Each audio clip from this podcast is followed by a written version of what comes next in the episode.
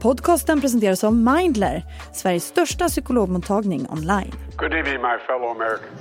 illegal aliens, the immigration, the border. Just när den amerikanska valkampanjen började kännas som en repris dök han upp. Hey, everybody, Robert F. Kennedy Jr. I'm here to declare myself an independent candidate. På en kvart får du veta vilken roll det spelar att en till kandidat ger sig in i striden Kennedy could potentially determine the outcome of the election, which is fascinating. och vad Kennedy-klanen tycker om det. Det är måndag den 27 november. Det här är Dagens Story med mig, Erika Treijs.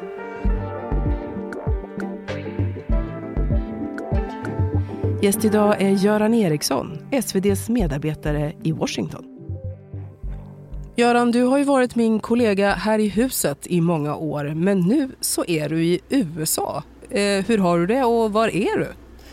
Eh, Jag har det bra tack. Eh, Och jag är just nu befinner mig i New York på ett hotellrum i Queens för att fira Thanksgiving.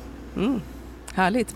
Du har ju precis skrivit om att en Robert F Kennedy Jr nu ger sig in i striden om den amerikanska presidentposten.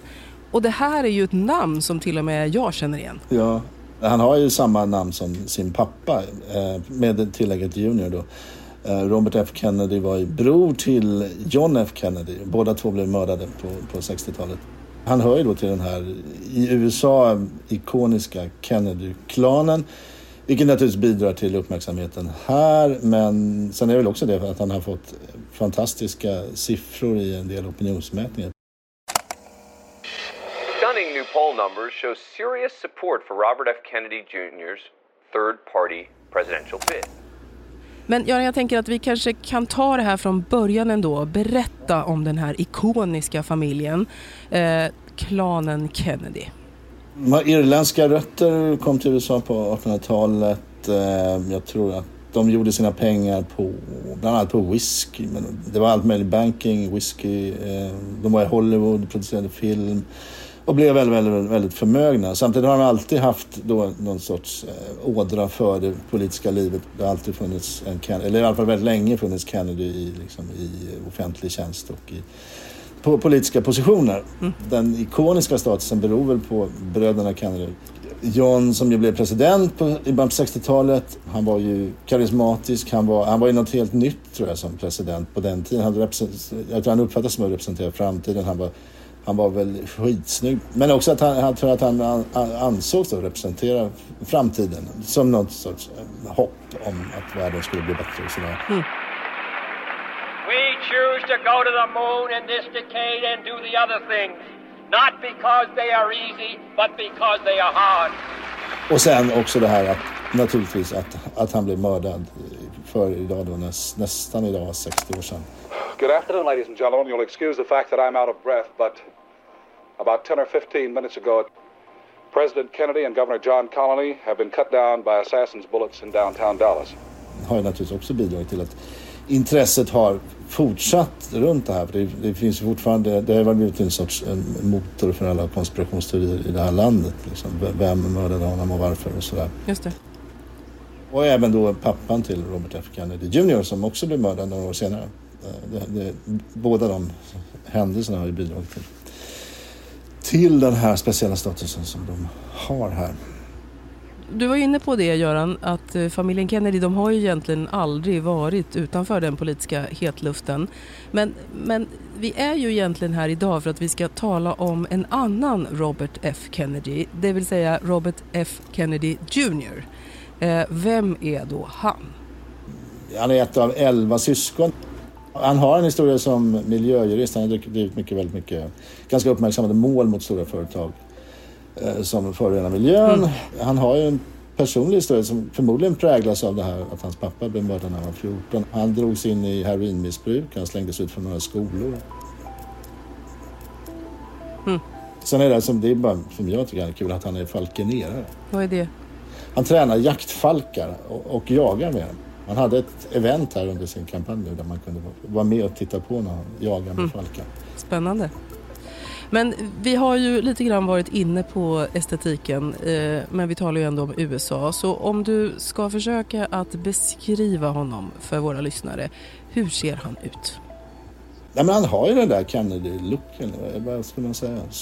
Skarp käklinje och sådär. Och, och han är rätt så, han är vältränad vilket han gillar att visa upp. Han, han lägger ut sådana klipp och så. Han är ute och springer eller gör armhävningar och sånt där. Mm. Och du, du har träffat honom eller åtminstone sett honom va?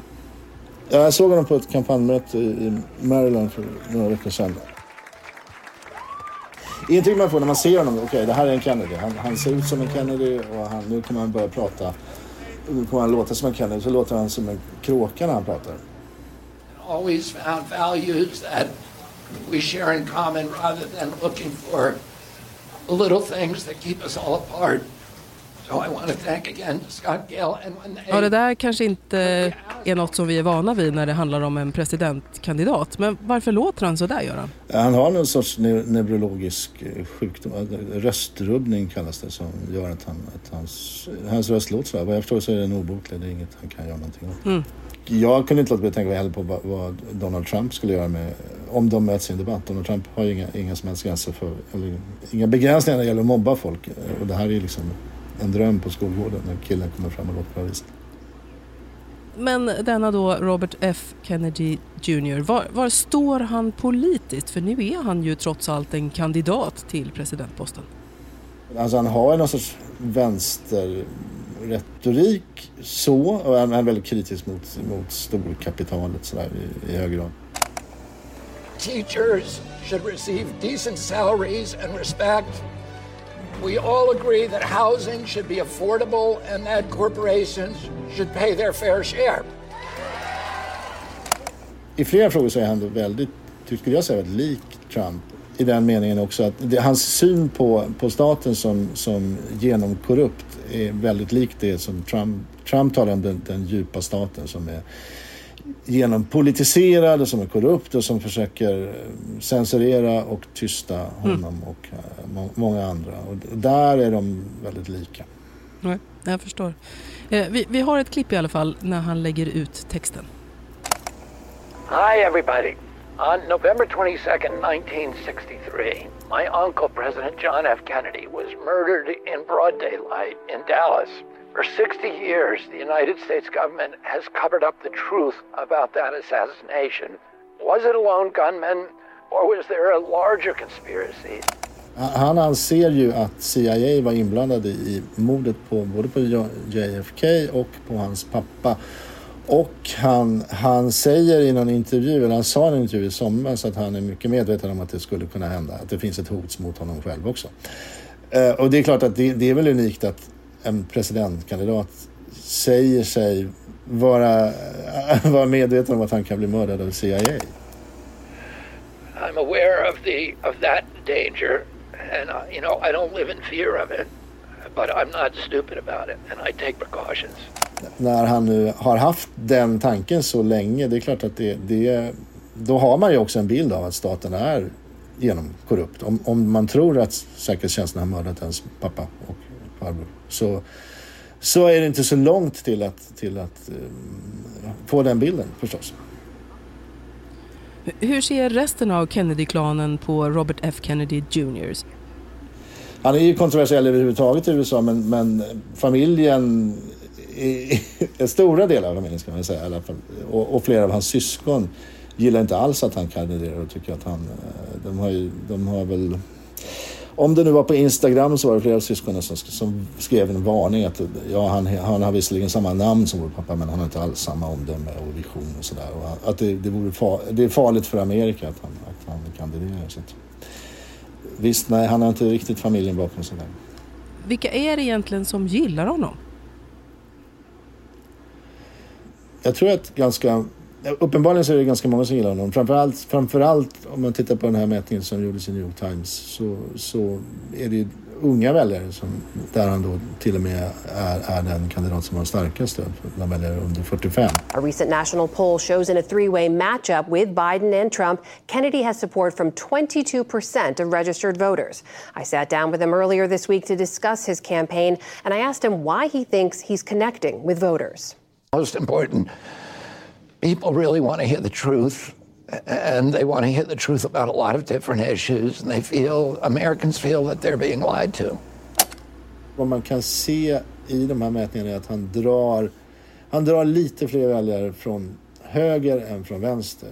Så att han, han lockar lite fler Trump-väljare än Biden-väljare. Det, det kan man se. I alla fall så här långt. Men, men har han en chans på presidentposten då, skulle du säga? Att det är så mycket intresse kring honom här har inte så mycket att göra med att man tror att han blir president. Det har att göra med att man tror att han avgör vem som blir president. Det vill säga, kommer han att sno väljare från Biden så blir Trump president. Eh, eller kommer han sno väljare från Trump så, så blir Biden president. Och, och det, det, är det som de mesta resonemangen här handlar om. Vem, vem kommer han att hjälpa till makten? Helt enkelt. Just det. Ja, det är ju superspännande förstås och helt relevant och avgörande kanske den dagen det är dags.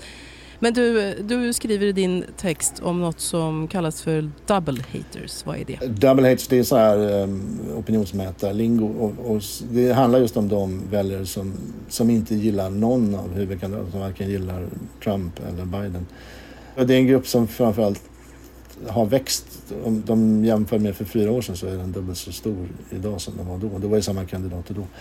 De frågar ju eh, de som säger att de skulle rösta på Kennedy vem de skulle rösta på om de inte får rösta på Kennedy. Och då, då kan man där, i den gruppen då kan man utläsa att lite fler skulle då mm. rösta på Trump. Det vill säga att lite, lite fler verkar komma från höger än från vänster. Mm.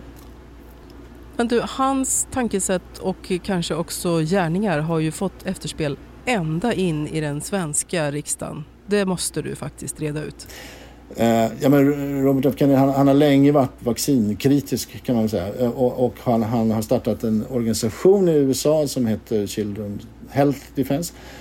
Den har en systerorganisation i Europa. De var med, stod bakom en konferens i Oslo i våras där Sverigedemokraternas riksdagsledamot Elsa Widding medverkade. Konferensen som hölls i Norge utgick från konspirationsteorin om att en maktelit försöker ta över världen. Och hon fick då kritik av eh, två liberala ministrar som beskrev henne som kunskapsföraktare och konspirationsteoretiker. Mm. Det fanns en eh, koppling där så att säga. Att hon, hon, var med i den här samma strömning kan man säga. Och, Just det. Så nu är hon vilde? Det gjorde Hon hoppade av med motiveringen att hon fick inget stöd av, sitt parti, av Sverigedemokraterna. Vad spelar det för roll i den svenska riksdagen? Att hon då är politisk vilde? Det försvagade regeringsunderlaget med ett mandat. Så att, ja, det är lite skakigare för Kristersson. Mm. Som man också kan knyta till amerikansk politik och en Kennedy då. Tack Göran för att du var med ända från USA. Tack så mycket. Producent var Elin Romeliotto. Redaktör Stina Fischer. Och vill du komma i kontakt med oss så mejla till dagensstory.svd.se.